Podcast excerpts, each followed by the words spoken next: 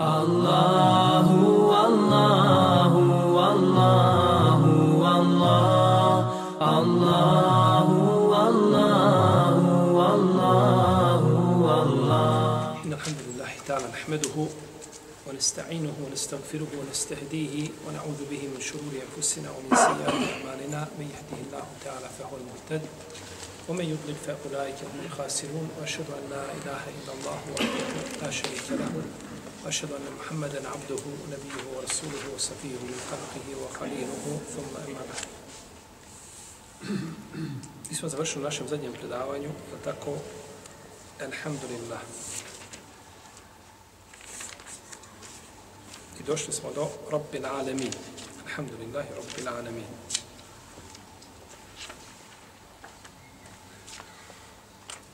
Alhamdulillah. Rabbil Alamin. Hvala Allahu, gospodaru svjetova. Rab je onaj koji nešto posjeduje, koji nešto ima u svome vlasništvu, to je rab. Pa svako ko posjeduje nešto, on je rab toga. On je rab toga. Rab može biti i vlasnik,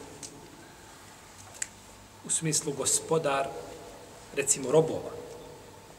Kako kaže uzvišeni Allah, Azza wa Jalla, da je Jusuf ali sam rekao odkurni inda rabbik ispomeni me kod svoga gospodara misli kod svoga šta? vlasnika i došlo u hadisu da je od preznaka sudnjega dana entelidel emetu rabbeteha kada rodi žena svoju gospodaricu rodi gospodaricu, oko toga je razilaženje među islamskim učenjacima, oko značenja hadisa, uglavnom a, a bitno je da je rodila nekoga ko će vladati njome. Na koji će način vladati njome, to je predmet znači razilaženja islamskih učenjaka oko samog značenja, znači hadisa.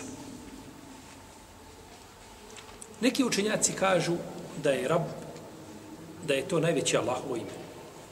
Ismullah al-A'zam, kojim ako se uzvišeni Allah pozove, da će se odazvati šta? Ljudima. Da će se odazvati znači ljudima. Da je to najveće Allahovo ime. Međutim, došlo je kod imama Tirmizije. I kod Ebu Davuda, u sunanu, se vjerodostanim lancem prenosilaca, da je poslanik sa osvijem čuo čovjeka kako dovi, pa kaže Allahume inni es'eluke bi enni ešhedu enneke la ilaha illa ente el ehadu samed الذي لم يلد ولم يولد ولم يكن له كفوا أحد pa mu je poslanik sa rekao dovio si kaže najvećim Allahovim imenom dovio si najvećim Allahovim imenom Allahumme inni ešhedu Allahumme inni es'eluke bi enni ešhedu enneke ente la ilaha illa ente el ahadu samed alladhi lam yalid wa lam yulad wa lam yakul lahu kufuwan ahad ovdje ima nekoliko Allahovih imena Među tim imenima je šta? Najveće Allahovo ime. Mnoga ulema kaže da je to Allah. Da je Allah najveće Allahovo ime. Međutim, u ovom hadisu je došlo tako a, El-Ahad, Samed, pa se to znači sve Allahova imena. Pa je Allahovo ime, ovaj, nije to najveće otkriveno tako ljudima, da bi ostavljeno, znači da bi ostavljeno bio prostor ljudima, da i čtihade i da Allah dozivaju njegovim lijepim imenima.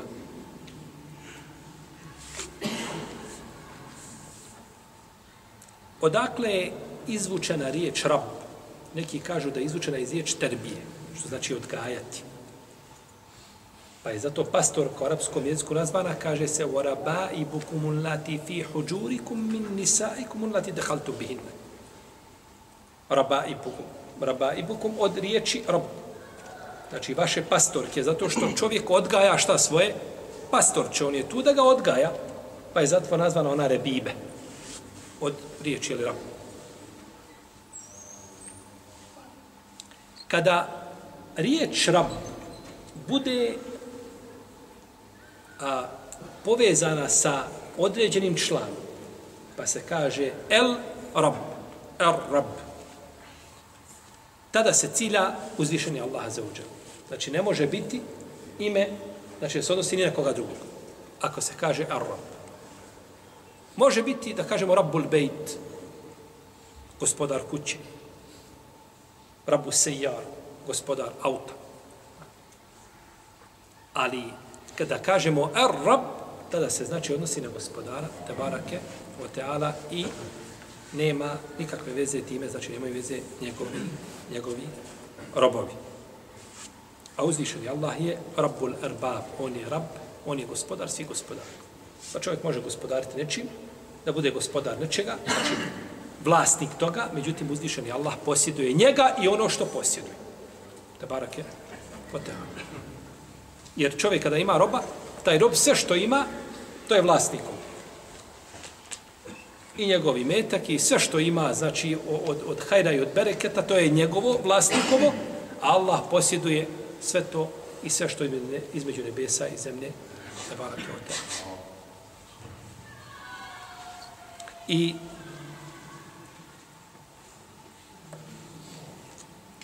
nijedan gospodar drugi ne može obskrbiti, ne može stvoriti. To je uzvišenog, znači to je to svojstvo uzvišenog Allaha. I on se time odlikuje na drugim gospodarima. Može čovjek neći gospodar, ali ne može ništa stvoriti. Da se polomi čovjek, ne može znači ništa on stvoriti. Jer čovjek posjeduje nešto, a većinu toga ne posjeduje. Najbogatiji čovjek na zemlji kada se pogleda na vrijednost, ne posjeduje ništa. Iako imamo milijarde, kada se pogleda zemlja i njena vrijednost i kolika je vrijednost na zemlji i u zemlji i koji samo uzvišen je Allah zna, on nema ništa. To je jedna sitnica koja mu je data na zemlji, jedna tačkica mala, ništa više od toga. Jeste.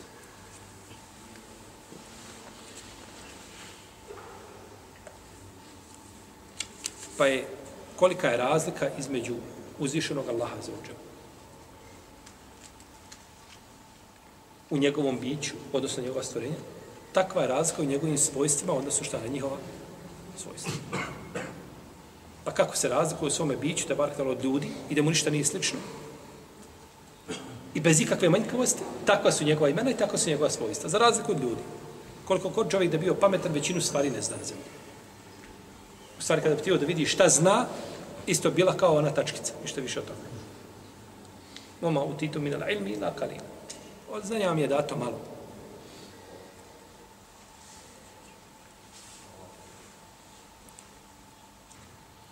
El alemin.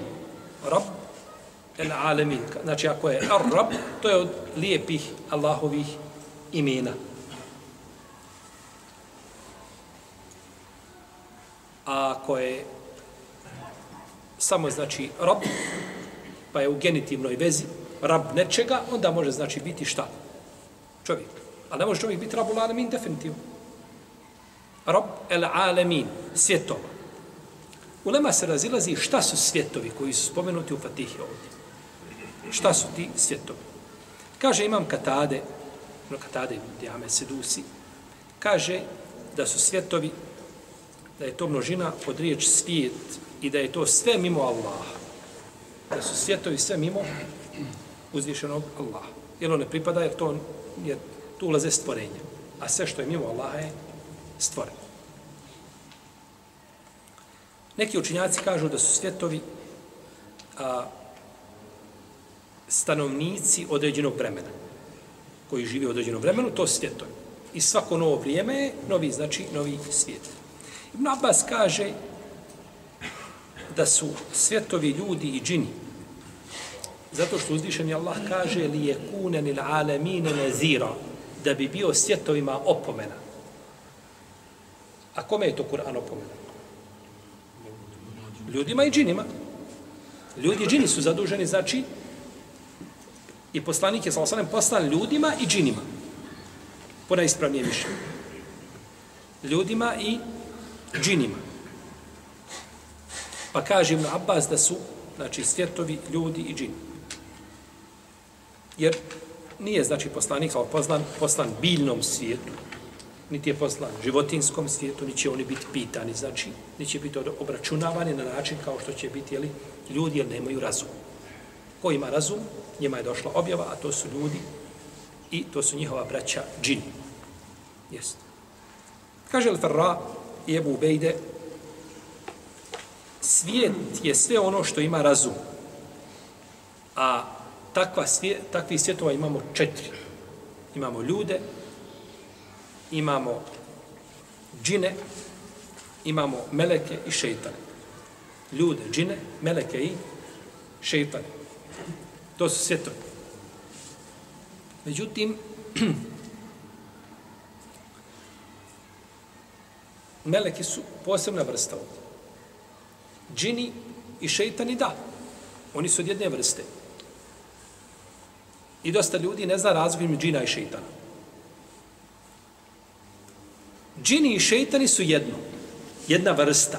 Samo što su šeitani nepokornici od džina. Imate džine i između njih su izuzeti nepokornici. I to su šta? Šeitani. Imate ljude i između, ljuda, između ljudi su izuzeti nepokornici od njih. To su šta? Šeitani. Šeitani, isto. Jer uzvišeni Allah nije poslao ni jednog poslanika da mu nije učinio a a, od, od, e, a, neprijatelja od ljudi i od džina. Od šeitana. Od ljudski i od džinski šeitana. Pa je, znači, min šeatini insi ul džinni juhi ba'duhum ila ba'din zuhru fel kauli gurura šeitani od ljudi i džina koji su jedni drugima kićene besjede govorili. Pa znači ljudi mogu biti šeitani i mogu biti šta? Džini šeitani. I tu se sastaju. Samo mi dokažemo šeitani, jel tako odmah mislimo na jel, džinsku vrstu, a i ljudske vrste mogu također da budu šeitani.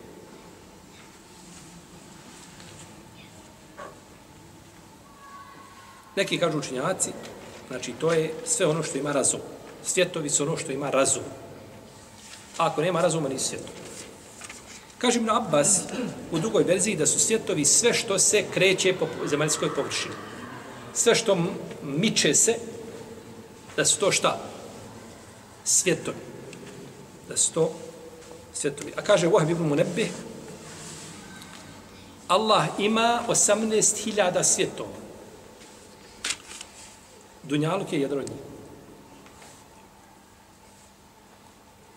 Dok kaže mu Sejid hudri da uzvišeni Allah ima 40.000 svjetova, da je Dunjaluk od istoka do zapada jedan od njih. A kaže mu Katil da ima 80.000 svjetova. 40.000 na kopnu i 40.000 u moru. Dobro. Što je sad najispravnije od ovih svih mišljenja što ima? Ovo su mišljenja, znači, kod islamskih učenjaka, koja su govorili, koja su, je tako, nakon toga pojašnjavali značenja. Ovo je zato što nije jasno spomenuto šta je. U protivnom, ono što je u Kur'anu spomenuto, to je bilo jasno. Ashabima. I nisu više nakon toga ispili. Zato nećete nikada naći, pretpostavljam, da nećete naći gdje je Ashab pitao poslanika šta znači jedna riječ u Kur'anu. To je kod njih bilo jasno. Allah poslanik, šta znači ta riječ? Danas otvorite Arab Ushaf i neka čita Znači, znači, neka čita tamo gdje nisu priče, gdje nisu događaje nekakvi, tako da to, to je lakše za razumijevanje. Neka ode tamo, neka zadnje onaj A, otvori zadnje one džuzeve, pa neka uči i reci, govori mi riječ koju ne poznaješ. Pa ćete vidjeti da ne razumiješ šta znači načinja ajtarika. To je razlika između onih kojima je objavljen Kur'an, koji su znali, shvatili njegovo značenje, i ljudima koji su, znači, došli, šta? Nakon njih. Njima je moglo biti nejasno značenje, znači, određenog značenje u smislu nejasnoće, jer spoljašnost toga ukazuje, jel tako, ovaj, da, da, da je nešto problematično.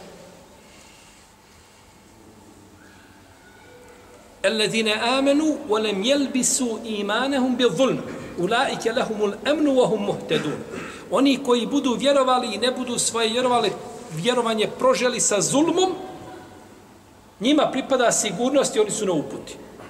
A to kad su sahabi čurginu, Allah opasniče, a ko to od nas ne čini zulum? Tako.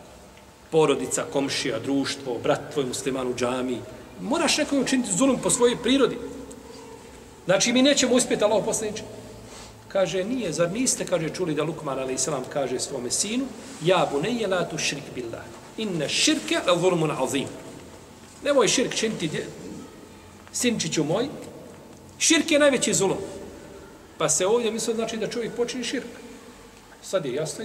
A nije bila nejasna riječ, da kažu šta ta riječ znači, Allah poslije, nikad to čuli nismo.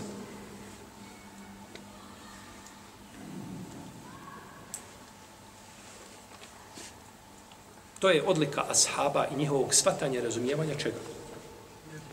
Kur'ana. I zato najpreće i najbolje svatanje jeste svatanje ashaba. Ne može niko bolje i potpunije razumijeti vjeru od njih. Zbog njihovog pristva, znači prilikom spustanja obje i zato što je Allah odabrao, znači da budu sljedbenici poslanika, da budu njegovi pomagači, sallallahu ala rasulika.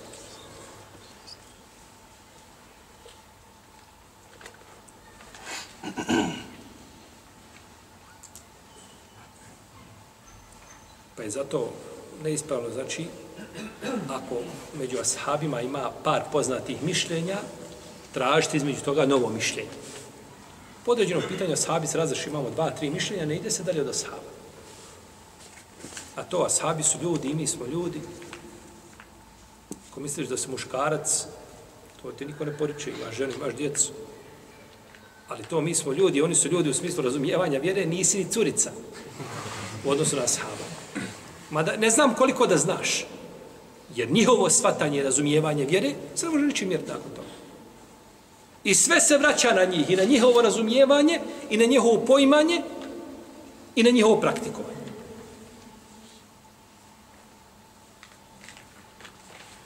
Najispravniji od ovih mišljenja, Allah najbolje zna šta je ispravno, je općenito stajeta svjetovima. A svjetovi su sve što je mimo stvoritelja Tebarake wa ta'ala. I to potvrđuje ajet u kome uzvišeni Allah kaže Kale Fir'aunu wama rabbul alamin. Kale Fir'aunu wama rabbul alamin. Kale rabbu samavati wal ardi wama bejnehuma. In kuntum muqin. Kaže Firaun, a ko je to gospodar svjetova?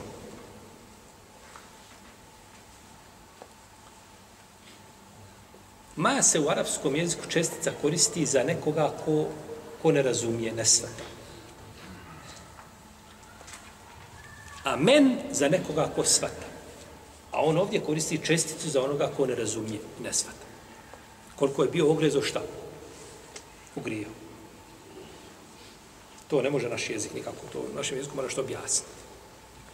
Da se razumije. U Kale Fir'aunu, Oma rabbul alamin. Ma se koristi za nekoga ko ne svata, ne razumije. Pa treba reći, o men rabbul alemin. Kaže, o ma rabbul alemin. Koliki je znači bio njegov kufr? Širk. Pa mu kaže Musa, a.s. Rabbu semavati wal ard, rab, nebesa i zemlje i ono što je šta? Između toga. Pa je najispravnije da je značenje da su da je rob, uzvišen je Allah, svega što je šta? I nebesa i zemlje, i nebesa i zemlje ulaze u to. Pa je to, znači, mišljenje prvo koje se spomenuo od koga? Od Katade.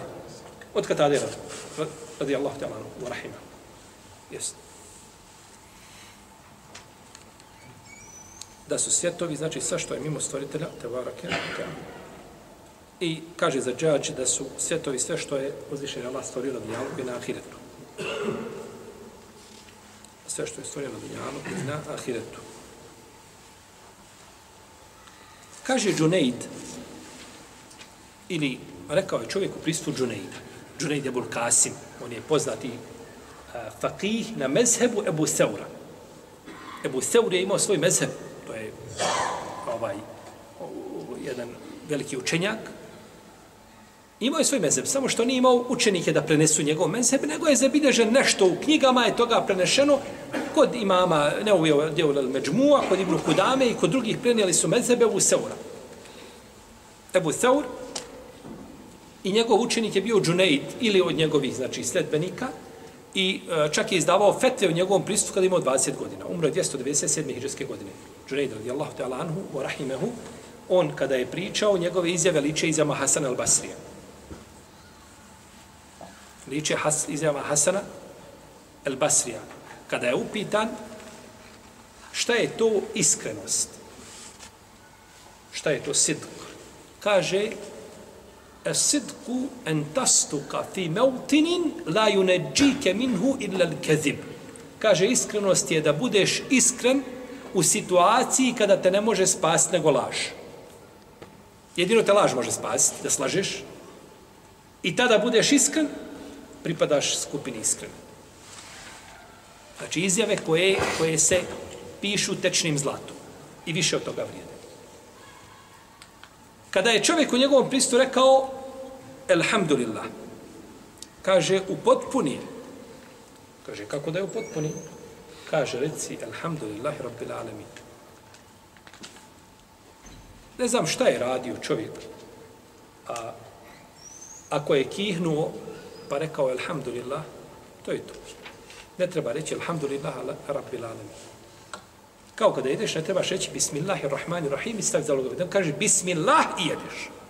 Ar-Rahmanir-Rahim to u namazu kad učiš fatihu.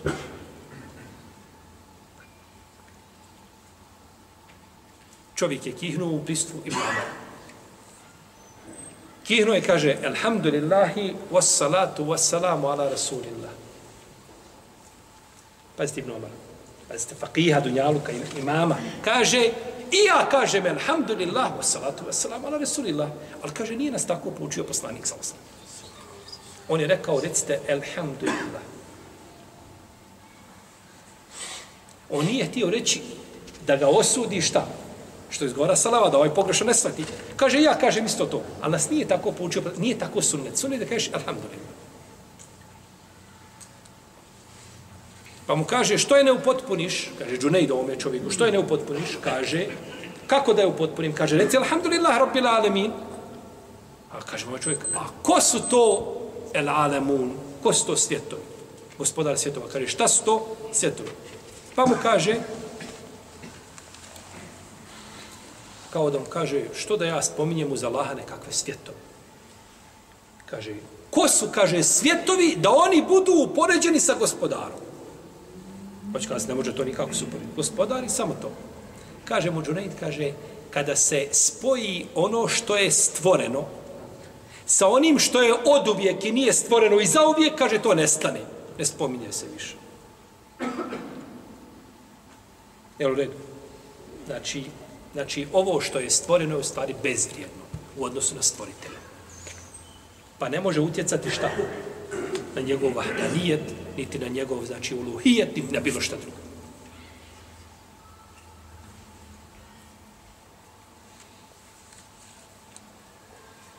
Jeste. Rabbul Alemi.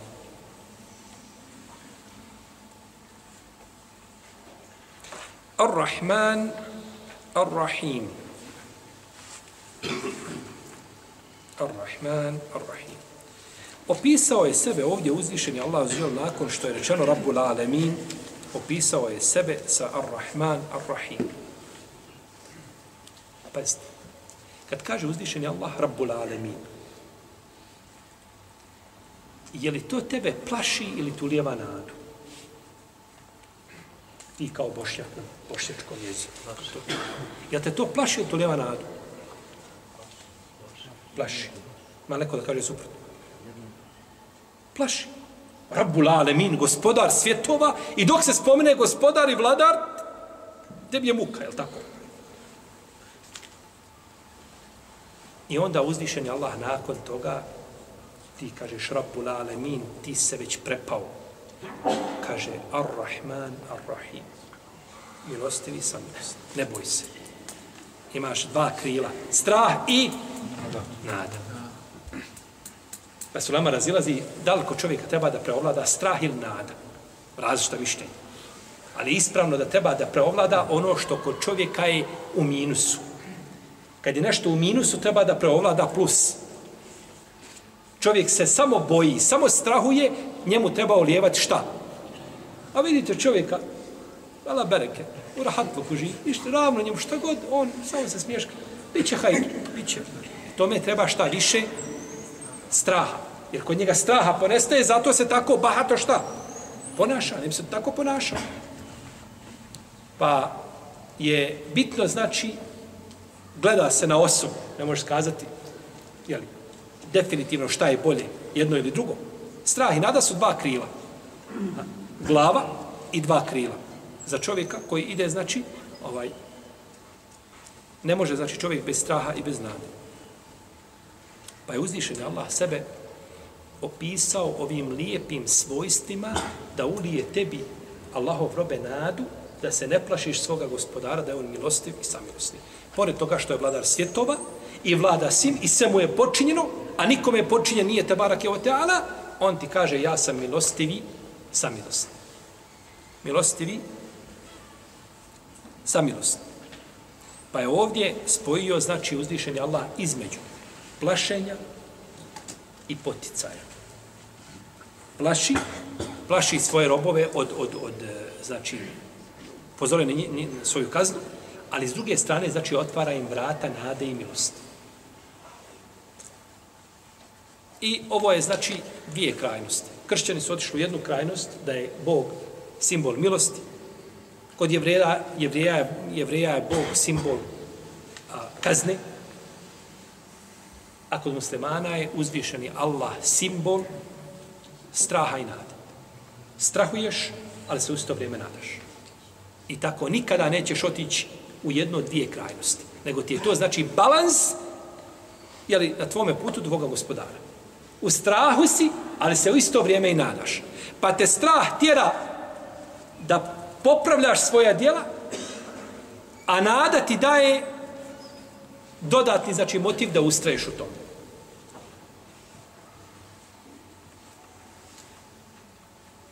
Kaže uzvišeni Allah za Nebi ibadi enni enel gafurur rahim wa enne azabi huval azabul alim. Obavijesti robove moje da sam ja taj koji mnogo prašta i koji milostiv. I obavijesti da je moja patnja teška i žestoka. Obavijesti strah, nada, o, o milosti i, znači, strah od kazne. I kaže uzvišenje Allah, te barak tela, gafiri zem, bukabili teub, šedidi l'ikab, zi taub. onaj koji oprašta ljudima grijehe, koji prima te obe, koji žestoko kažnjava i koji obilno nagrađuje. Žestoko kažnjava i obilno nagrađuje. Opet strah i nada. Pa je to znači u Kur'anu spojeno na brojnim mjestima. Tako da čovjek ne bi znači odlutao, pa je neispravno da čovjek kaže kao što možemo čuti od ljudi, ali tako, meni Bog neće oprostiti. A još gore, još, još ovaj veći grijeh od toga je kazati meni Allah ne može oprostiti. To je još veći belaj. To je najveći belaj koji može biti da kaže čovjek mene Allah ne može oprostiti. Nema to Allah ne može. Allah može oprostiti svakome i hoće oprostiti svakome, samo ti uzmi put, kreni putem kojim, koji te vodi do njegovog oprosta i to nije spod. Jer nema većeg grijeha u širka, Allah ga oprašta svakome komu se iskreno pokaje. Pa šta onda, kad su u pitanju grijesi manje od toga?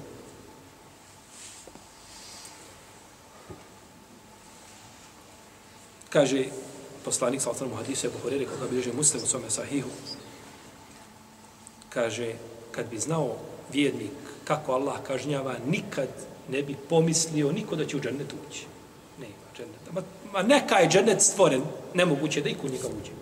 A kaže, kada bi znao nevjernik koliko je uzvišen je Allah milostiv, niko ovdje ne bi pomislio da će u džennet ući. To ste dvije krajnosti. Nikad ne bi čovjek pomislio, znači kad vidi nevjernika, kada vidi Allahovu milost i kako, kako šta, on bi pomislio, mada sam još na kvadrat nevjernik, oprošten.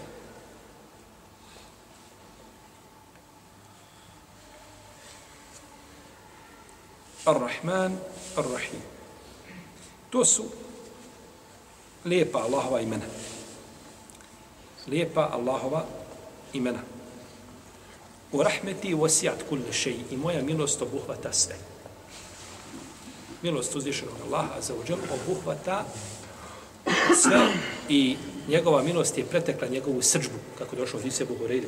Uzvišen je Allah zapisao u knjizi koja je kod njega iznad Arša. Moja milost je pretekla moju srđbu. Pa je Allahova milost uvijek ispred njegove šta? Srđbe. I uzvišen je Allah ima 99 milosti a, koji je ostavio za ahiret. Jedno je nama spustio ovdje. Od te jedne milosti roditelj voli svoje dijete. Majka voli svoje dijete. Pokušajte da majici kažete može li se to kako kupiti, može li se to ovaj, nečim zamijeniti, može li. To je milost majke. Milost ljudi jedni prema drugim. A zamislite tih 99 da je uzvišen Allah ostavio za svoje roboje na sudnjem danu kada im bude najpotrebnije. I zato je najveći nesretnik čovjek koji izgubi nadu Allahu milost. Na dunjalu ko je već ušao u džehennem.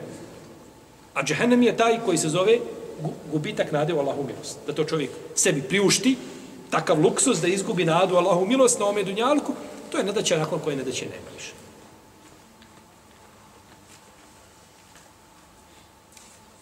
Uzvišen je Allah je znači Ar-Rahman, Ar-Rahim. Ar-Rahman, ovo svojstvo uzvišenog Allaha ukazuje na obim, na količinu. Kao kada kažemo za čovjeka atšan ili gadban ili džavuan, da je puno čovjek žedan, puno gladan, puno srdit. Znači, kad kažete ovaj gadban, taj je stalno namršten. Uvijek. Ne prestaje. Džavan, gladan, uvijek kad god mu ponudiš, on može jesti. Tako je. Že? Znači ukazuje na obim. Tako je došlo Rahman. A Rahim to svojstvo ukazuje da je to svojstvo znači prisutno pri Allahu stalno kao kada mi kažemo za nekoga Kerim. Naravno, poredeći uzvišenog Allaha i gospodara za i ljude. To definitivno. Kerim, plemenit. On je stalno plemenit. Uvijek je. Sa svakim je plemenit. Uvijek Pa je, znači, svojstvo Ar-Rahman obim. A Ar-Rahim ukazuje na stalno prisustvo šta? Toga. Ne lapi nikada. To su znači značenja tih imena. I zato vidite, možete sad nazvati zašto Allah uzvišenje objavio Kur'an na arapskom jeziku. Zato što ovo, ovakvi opisi ne mogu doći na arapskom jeziku. Da ti u dvije riječi kaže značenja koja nose znači ovaj e, oni biseri koji se vade iz dna i, i značenja znači onoga što čovjek onoga što čovjek jeli, uči. A uzvišeni Allah ima 99 lijepih imena koji ih pobroji ući će u džennet. Kako došlo u hadisu kod muslima men ahsaha dakhala al džennet. Ko pobroji ta imena ući u džennet. Što to znači? Ko nauči ovaj imena? i zna spomenuti stotinu imena Allahovi? Ne. Znači više od toga. Ko pobroji, nije rečeno ko ih nauči, nego ko ih pobroji. Pobrojati znači da ih naučiš na pamet, da znaš njihova značenja i da radiš shodno njihovim značenjima. Naučiš, znaš i radiš shodno tome. Pa znaš da je Allah semije, onaj koji čuje. Sve čuje. Pa nećeš ogovarati nikoga. Znaš da je Allah basir, da sve vidi. Pa nećeš učiniti nikome zulum i nepravdu. Znaš da Allah ima savršena i znači radiš shodno tim imenima i shodno tim šta? Svojstva. Znaš da će se Allah uzvišeni smilovati, da je milostivi, pa će se smilovati milostivima. Pa i ti radiš shodno tome da će Allah smiluje. To znači ko ih pobroji. Ko ih pobroji, ući će u džennet. Međutim, uzvišeni Allah ima više od 99 imena. U hadisu se kaže ovaj, da Allah ima 99 lepi imena. Ali to nije spomenuto u smislu ograničenja i da nema više imena. Uzvišeni Allah ima svoja lijepa imena koja, za koja mi ne znamo. Pa ne znaju za njeni poslanici. I dokaze za to hadis kome je poslanik sa je dovio, kaže Allahumme inni es'eluke bi kulli ismin huwa lek semmejte bihi nefseke au 'allamtahu ahadan min khalqik au ista'tharta bihi fi ilmi l'gajbi indek ja te molim svakim imenom kojim se sebe nazvao. Ili si ga poučio nekoga nekome od, poučio si nekoga od svojih E, e, robova tim imenima, kao poslanici, vjerovjesnici. Ili si to zadržao u gajbu kod sebe, ne zna niko drugi. Pa znači imena koja su zadržana šta? Kod gospodara u njegovom gajbu, mi ih ne znamo. Ali su... Dobro, šta onda znači ako ih pobroji? To je došlo tebi za nagradu i džennet živi. 99. 99. Imaš 81 u Kur'anu, imaš 18 u sunnetu. Iako je, i to ima razilaženje oko određene imena, ali tako, jesu li imena, nisu li imena, razilaženje među učenja. Međutim, u globalu je tako. Tebi je došlo ograničenje, ako naučiš ta imena, da ćeš ući šta? I budeš radio s odno njima i znao njihova značenja, da ćeš ući šta? U džennet. A nije došlo ograničenje u hadisu u smislu da sto imena i da nema više. Pa je ograničenje vezano zašto? Za pobrojavanje. A zna, pojasnim što znači što pobrojavanje. E to je. Za to je znači vezano jeli, ovo ime. Jesu Allahova imena emrun teuqiti. To su to je stvar koja se ne može, do koje se može doći razumom, niti čtihadom. Da mi sjedimo i čtihadimo, kako bi to izgledalo, kako je, da li bi moglo biti to i to Allahovo ime. Tu razum nema udjela.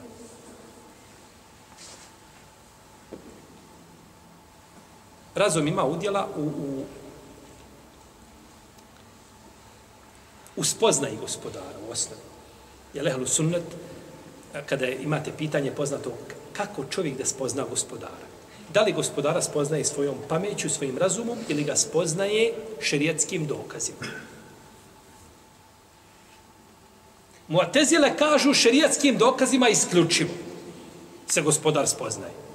Ako nema šerijetskog dokaza, ne znaš da postoji gospodar i nema ništa. Ešajre kažu ne, samo razum. Razum se spoznaje uzvišan ničim drugim. A ispravno je između toga da se uzvišeni Allah spoznaje razumom u osnovi. Kad pogledaš sve oko sebe, i čovjeka, i stvorenja Allahova, moraš kazati, ovo nije nastalo šta? Samo. Mora biti gospodar, stvoritelj. Ovo samo ne nastaje. Međutim, dalje ne može šta? Nikoda. Treba ti šta? Objava. Pa ne možeš znati kako da se približiš svome gospodaru bez objave. Ne možeš znati Allahova lijepa imena i svojstva bez objave. Ne možeš znati šta je Allahu drago, a šta mu je mrsko bez objave. Iako neke stvari prirodom čovjek može dokučiti šta? Razum, laž, ne može biti draga gospodaru, nikako. Prevara, ubijstvo, ne znam, nered po zemlji, to je jasno, to je razum čovjeka fitra. Međutim, kada bi se sastavili ljudi i džini, sastanu se svi. I hajmo mi skontati kako se to Allahu približi namazom. Šta je namaz i kako se obavlja. I šta se uči na namazu. I koliko se rekiata klanja i kakve zikrovi imaju. Mogu li to rad bez objave? Zekijat. Na šta se daje zekijat, na šta se ne daje zekijat. Propisi. Talak. Ta... Ni, ništa. Za te propise im treba objava. Pa ti u osnovi spoznaš gospodara da mora biti neko ko je ovo stvorio i da ti je to dovoljno što je oko tebe. Sanurihim ajatina fil afaq wa fi anfusihim hatta yatabayyana lahum annahu al-haq. Uzvišeni Allah pokazuje u, u prostranstvima nebeskim i u nama samima dokaze da je da je ovo istina. Da je Kur'an istina i ono što uzvišeni Allah objavljuje. Imaju znači dokaze. Ali kako se približiti gospodaru, to nikako. Pa da digneš ruke i izmisliš ime Allahu nekako novo i doviš. Će Allah to primiti tako? Ide čovjek ulicom ime Muhammede, ti reći, Jusufe, Jusufe, hoće se zazvat, ne zoveš ga njegovim imenom. Pa kako onda kad je u pitanju gospodar te baraka? Kako će se uzvišeni Allah odazvati, a ti ga zoveš imenom koji ima sebe nije, koji gospodar, robe moj, ja, ja, ja se ne zovem tako, to nije moje lijepo ime. Od mojih lijepih imena, to čime ti doviš, to nije moje lijepo ime. I zato je to emrun teukifi, teukifi u smislu da ne možeš šta, nego kako je došlo po objavi. Ne može drugačije. Ima dokaz, ima, nema dokaza, kažemo ne znamo. I nije dozvoljeno čovjek, znači da Allaha zove imenima koja nisu kod Arapa često, oni često kažu, kažu, ja se tar, ili ja satir. To je glagola setere, što znači prikriti. Pa onaj koji prikriva nešto. U smislu ne prikriva, nego uh, uh, žele time da, da uzviša Allah sačuva. To je smisao. Pa, pa kaže ja satir. Ili kaže ja setar. I ovako kada pomeneš ga, Kažeš, nemoj tako govoriti, to nije Allahovo ime, pojeo bi te život. Allahu ekber, kako nije Allahu, pa cijeli život to slušam, pa cijeli život pogrešno slušaš. To što se naučio, to je pogrešno. Satir nije Allahovo ime, ni setar, ovaj, koji znači puno prikriva ljude, odnosno čuva, nije ni on, nije ni to ime, nego je njegovo ime Sitir. Sitir. Inna Allahe hajinu sitir, tako došlo u hadisu. Pa A setar nije. Pa nemaš pravo da ti od sebe izmisliš ime i da dozivaš gospodara tim imenom. Šeh Albani, kada je neprilike imao udes u Saudijskoj Arabiji, prevrnuo se auto. Pa su došli ovi, prva pomoć došla i vade ga. Pa je ovaj e, bolničar, ovaj što, jel što, prvu pomoć što su tu, ovaj, vade ga i kada su vidjeli da je šeh Albani, kažu, počeli vikati, ja se tar, ja se tar, ja satir. A oni uči, kaže, nemojte, kaže, tako go, recite, ja se ti. Čovjek polovljen sam, ali uči tauhidu ispravno. Uči ljude kako će dozivati gospodara, te barak to. Sallah smilo našoj ulemi, koji su Dunjaluk ispunili svjetlom i hajrom i da ljudi slijede učenjake, ne bi bilo umet ono što ima. Ali, gdje god zaobiđeš učenjaka, To mi je kao kada bolesnik metastaziralo sve u njemu, pojelo mu sve i on zaobilazi bolnicu. I ide tamo kod nekakvog hećima koji sjedi onako, liječi ala bereke. Znači, zaobilazi tamo gdje, su, gdje, mu, gdje mu može biti lijek ili gdje mu je sigurno lijek, kod učenjaka je sigurno lijek. Jer uzvišeni Allah nas uputuje, upućuje njima. Pa nas uzvišeni Allah poslao na vrata gdje kucamo, a tu nema odgovora. To je ružno mišljenje gospodara. Pa im kaže šej, kaže, recite ja si tir. Pa je sitir lijepo Allahovo ime i nije dozvoljeno, znači to mijenjati. Isto tako, nije dozvoljeno iz Allahovi svojstava uzimati imena. Svojstva su nešto čime Allah opisa. Imamo svojstva koja se tiču sifatu zat i sifatu fi'l. Svojstva koja se tiču Allahovog bića i koja su stalno pri njemu. A imamo svojstva koja uzvišeni Allah radi shodno tome kada želi i kako želi. Svojstvo Allaha je govor. Priča kako želi i kada želi i sa kim želi. Ali je to sifatu fi'l. Dok imate druge svojstva koja je stalno prisutna pri gospodaru, te bakle, nikada se znači ne odvaja, nisu, znači nikada nije bez tih svojstava. Za razliku od nekih svojstava koja može uzvišeni Allah činiti u određenom vremenu, a ne mora. Ali mi ti iz tih svojstava, bilo da se radi o sifatu zat ili sifatu fi'al, ne smijemo uzimati šta? Imena. Ne smijemo iz svojstva uzeti ime. Kako? Uzvišeni Allah kaže jem kurune u jem kurullah. Wallahu khairul makirin. Oni spletke prave, a Allah spletke pravi. A Allah to najbolje umije. Ovdje je došlo da uzvišeni Allah spletke pravi njima. To je svojstvo. Kada bi mi iz tog svojstva uzeli ime, onda bi morali uzvišenog Allaha nazvati nečim što je pogrdno i jadan bilna. Jel tako?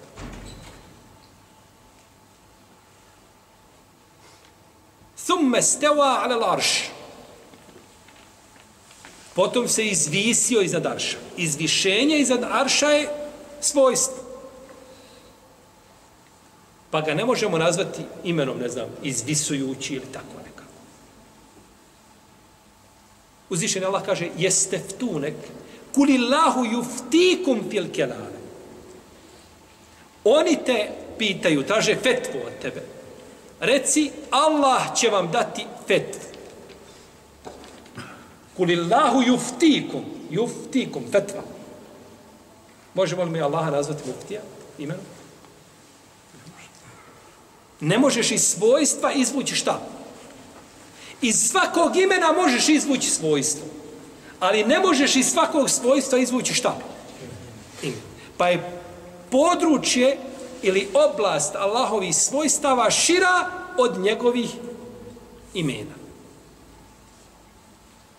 Jer je svako ime svojstva, svako svojstvo nije šta? Nije ime. Pa je ovdje uzvišeni Allah spomenuo Ar-Rahman, Ar-Rahim. To su dva svojstva koja se tiču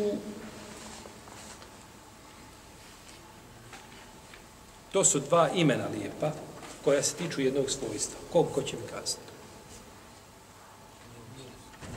Svojstvo milosti. Rahmeta. Milostivi i samilosni. I jedno i drugo se vraća šta na?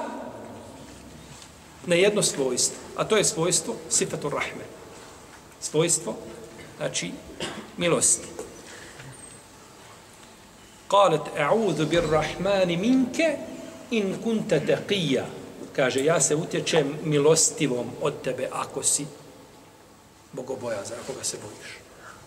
Ja se utječem milostivom, jeli? Od tebe.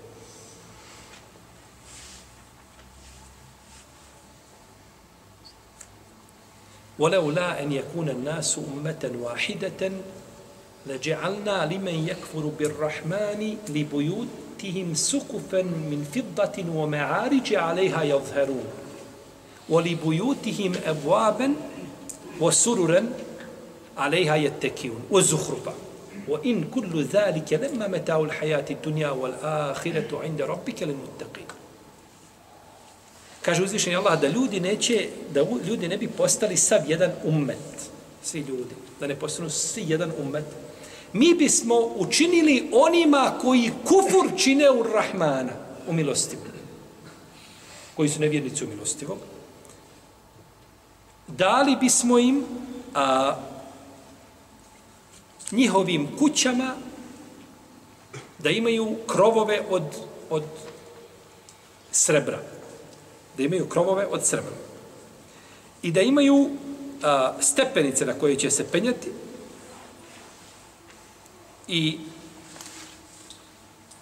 mnogo zlata i ukrasa i lijepe divane na koje će se raslanjati. A sve to kaže ukras na ovom dunjalu. A ahiret kod tvoga gospodara pripada bogobojazno. Pa uzvišeni Allah ne da nevjernicima da ne bi doveo nas u iskušenje da se ne boji uzvišeni Allah, da bi mi poželjeli da budemo kao oni, on bi to njima dao. toliko vredi dunjalku i uzvišenog Allaha. Sve bi im dao. Ali kaže ahiret kod tvoga gospodina, oni koji kufr čine u Rahmana, milosti. I zato je a, osuda Ibrahima, ali i selam, svoga babe riječima Ja ebeti inni ehafu en je meseke adabu min ar-Rahmani fetekuna li šeitani valija babuka moj ja se bojim da te ne snađe kazna od milostivog ar-Rahman pa da bude šeitanov vjeran ova osuda Ibrahima a.s. ne može biti žešća i grublja a upakovana u najljepšu ambalažu. Babuka moj, snaćete kazna od milostivog. Hoćemo kazati, babuka moj, ako te milostivi kazni, ti zaista zaslužuješ da budeš kažen, ti s najgore bit na zemlji.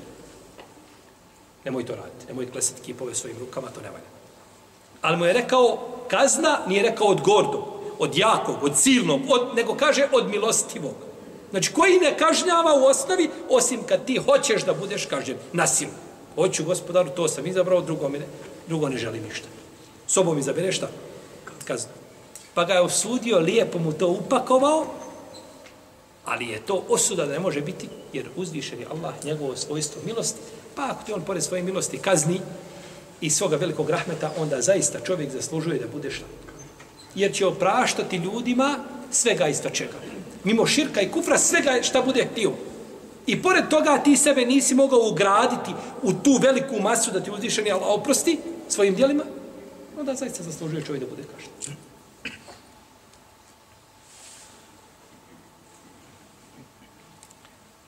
Ar-Rahman, Ar-Rahim. Dobro. Šta je razlika između Ar-Rahman i Ar-Rahim? Kazali smo ovdje. Da je Rahman šta? Obim. Ar-Rahim, da to ukazuje na stalno prisustvo, znači tri svojstva. Međutim, jedan dio učenjaka kaže, razlika je u tome što Ar-Rahman je obuhvatnije i širije pojam od Ar-Rahim. Ar-Rahman znači milostiv je svim ljudima ovdje na Dunjaluku. I vjernicima i nevjernicima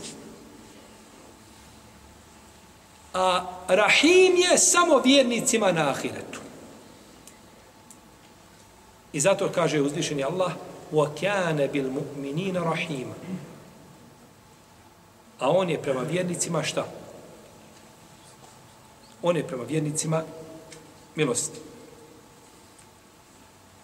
A on je prema vjernicima milosti. Milosti gdje? Na ahiretu. Milostivi, znači pravo. Pa kažu, tu je uže ovaj značenje. Međutim, imamo, imamo tu jedan problem. Imamo hadis kod Tabaranije u kome se kaže u, a, da je u jednoj sedovi spominje ili u jednom hadisu da je uzvišeni Allah Rahmanu dunja wal ahire wa rahimuhuma da je Allah Rahman milostivi na dunjaloku i na ahiretu i da je na dunjaloku i na ahiretu Rahim. Taj hadis, on malo, on pravi zbrku i pometnju čemu? Molim? Ovo mišljenje, tako je. Ovo mišljenje koje je spomenuo, ovaj hadis ne ide u prilog ovom mišljenju. Jer se kaže Rahmanu dunja wal ahire u Rahimuhuma. Milostivi dunjaluka i ahireta i samilosni dunjaluka i ahireta. Ali ovaj hadis, ha, šeh Albani neke verzije ovoga, došao od Ibn Mesuda, došao od Ajša, ovaj hadis različitim putema, imam sujuti ga ocjenio dobrim, šeh Albani neke verzije ocjenio čak lažnim. Pitanje hadisa znači prihvatanja. Ali veliki dio učenjaka je uzeo ovo mišljenje da je šta? Da je uzvišeni Allah milostiv znači na dunjaluku i vjernicima, jer daje ovdje nevjernicima, tako, imaju sve. Daje im i zdravlje, i imetak, i potomstvo, i žive, i naslađuju se i uživaju više nego muslimani. Ali na ahiretu, znači, izuzeta je ta skupina od Allahove milosti, ta će milost samo prijeti, znači, za vjernike. isključivo za njih.